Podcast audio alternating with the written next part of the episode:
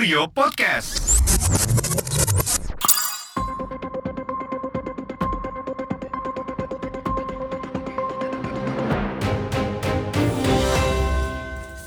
Halo teman-teman Kurio, balik lagi di podcast Sorot. Bareng gue Ipang, Nah, kali ini gue ditemani sama partner yang biasanya juga ngobrol-ngobrol sama Kurio. Ada Haji Imawan, pengamat publik eh, dari UGM. Nah, eh, di episode kali ini kita bakal ngobrolin mengenai eh, PNS baru. Karena eh, pengumuman mengenai CPNS kemarin udah dikeluarin ya tanggal 30 November eh 30 Oktober, Oktober, kalau nggak ya. salah. Nah, sebagai pengamat kebijakan publik nih, gue pengen ngobrol-ngobrol sama Haji mengenai eh, PNS-PNS baru ini. Hmm. Kita mulai aja Ji ya. Iya. Nah, Ji, eh, kalau menurut lu Ji, ini kan eh, pasca pengumuman CPNS nih, gimana sih cara memaksimalkan kinerja PNS-PNS yang baru ini Ji? Hmm. Dari sebelum-sebelumnya kan kita tahu nih bahwa eh, PNS eh, beberapa tahun sempat moratorium, terus eh, Hmm. muncul lagi. Nah, Iya. untuk memaksimalkan PNS-PNS yang baru ini seperti apa Ji? Iya, em, kita perlu paham ya kalau sekarang PNS dihadapkan pada efisiensi dan efisiensi struktur. Hmm. Kalau kita ingat Pak Presiden salah satu contohnya ya, Pak Presiden bilang eselon 3 sama 4 nggak ada, Hmm. 1, 2. Hmm. Nah ini kan menghambat karir PNS ke depan. Yang Hmm. tadinya itu ada, jadi tidak ada. Hmm. Otomatis di sini eh, pasca pengumuman PNS, cara maksimalisasinya harus melihat analisis jabatan dan analisis karirnya mereka. Hmm. begitu. Jadi PNS yang masuk itu harus diukur dengan eh, sejauh mana mereka berkarir sebagai PNS. Karena eselon 3 atau 4 ini nggak ada. Hmm. Itu salah satu contoh. Contoh lain adalah beberapa jabatan struktural yang dihilangkan. Hmm. Salah satunya karena perkembangan teknologi Hmm. yang membuat em, misalnya pengantar surat dulu antar instansi itu nggak ada Hmm. karena semuanya by email. Hmm. Bahkan persewaan eh, gedung-gedung pemerintahan mungkin ke depan juga tidak tidak lagi relevan karena sekarang orang rapat juga melalui Zoom Hmm. melalui Webex, melalui platform-platform digital yang online gitu. Jadi di sini harus dilihat dua hal. Pertama, basis dari eh, karir mereka secara regulasi ya kebijakan organisasi. Yang kedua, eh, fleksibilitas dari PNS itu sendiri. Apakah dia mampu ini ya mem- memahami bahwa sekarang tuh PNS tidak bisa kayak dulu gitu loh yang yang cuman eh, ya sudahlah terima gaji kinerjanya, kinerjanya sekian gitu ya Ya. Hmm. tidak bisa harus fleksibel kadang-kadang dia di struktural kadang-kadang dia di fungsional Hmm.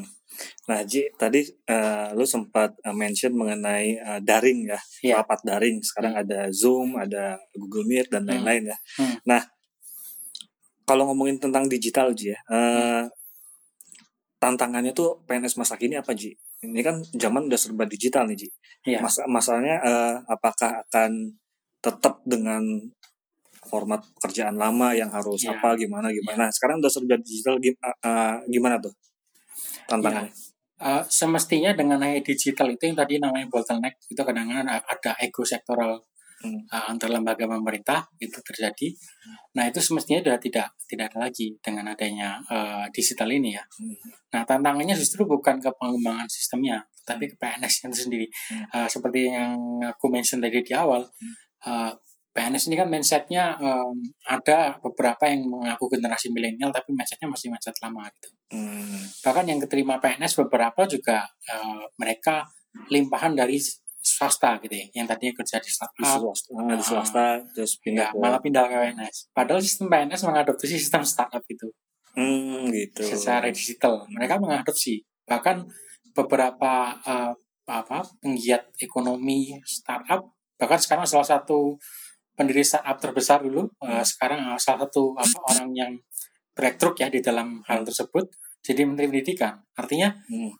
sangat serius membangun sistem eh, eh, apa namanya mengadopsi sistem yang ada di Hmm. startup atau swasta Hmm. ini tantangannya eh, eh, aku nggak tahu berapa persennya ya, tapi tantangannya adalah bagaimana adaptasi PNS itu terhadap sistem yang diadopsi itu. Karena perannya sistemnya dirubah sana, Hmm. dirubah ke model eh, model output berbasis, kinerja gitu, bukan lagi absen. Bahkan sekarang WFA kan absen pakai aplikasi. Jadi hmm.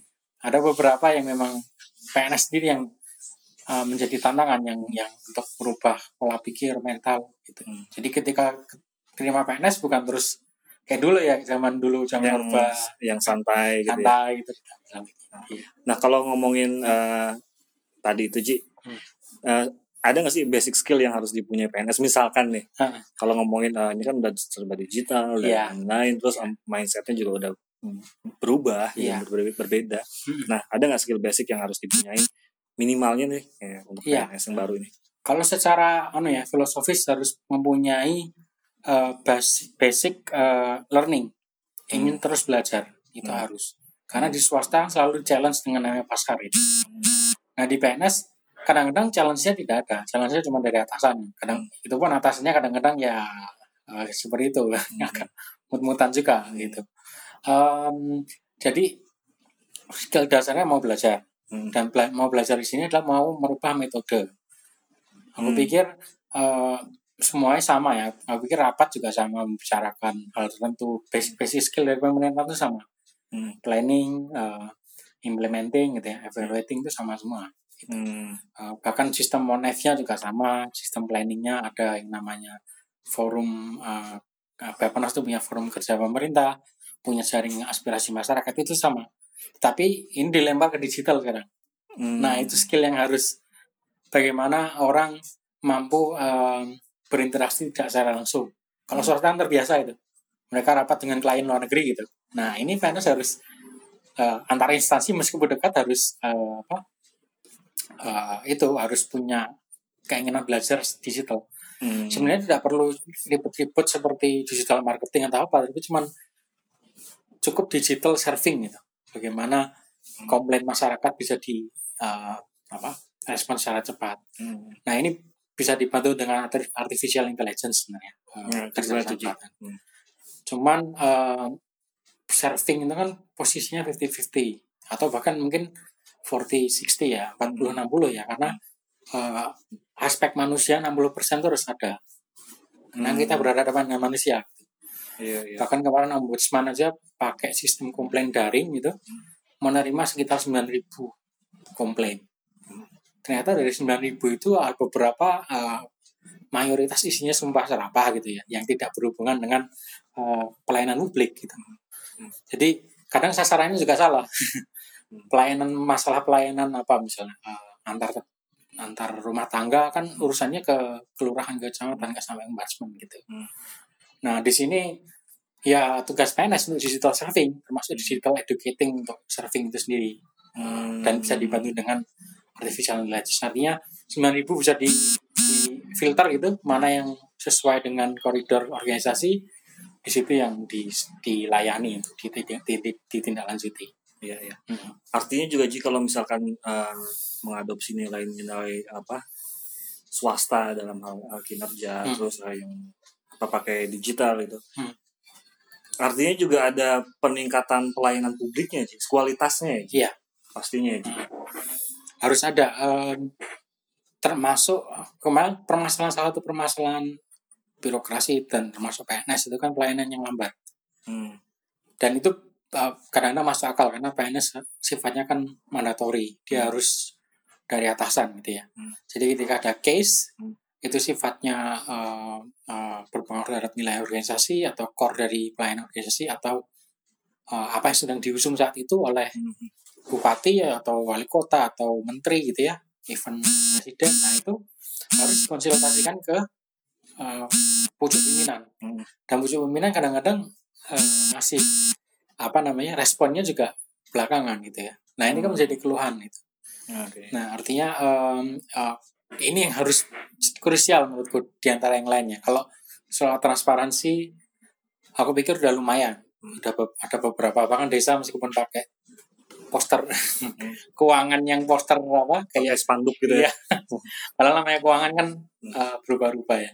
Itu uh, upayanya bagus lah, akuntabilitasnya bagus. Cuma masalah responsivitas gitu-gitu yang Hmm. akomodatif itu yang responsif itu Hmm. yang harus didorong kualitas nomor, nomor satu Iya. digital ini.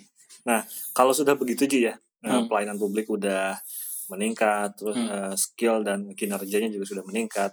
Sebetulnya untuk menghilangkan stigma PNS yang nggak produktif atau gabut gitu, Iya. gimana tuh Ji? Kalau menurut Ji? Eh, iya, sebenarnya dengan adanya uh, jadi pandemi ini kan blessing in disguise gitu ya. Hmm. Di satu sisi orang sulit untuk melakukan kinerjanya sulit kadang-kadang PNS itu karena salah satu elemen yang penting dalam PNS yaitu perjalanan dinas yang bagian dari monitoring evaluasi itu hilang Hmm. diganti daring semua. Nah sebenarnya ini blessing in disguise karena satu sisi ini harus inovasi mau Hmm. nggak mau. Kalau nggak kinerjanya jelek pajak penerimaan apa pajak yang berputar di negara tidak terdistribusikan ke masyarakat Hmm. bahkan Pak Presiden mengeluh bahwa uang itu harus turun Hmm. berarti kan membutuhkan inovasi sistem gitu ya Hmm. nah mau nggak mau PNS karena eh, apa bekerja secara mandatori tadi regulatif baik organisasi maupun apa namanya administrasi atasan gitu ya Hmm.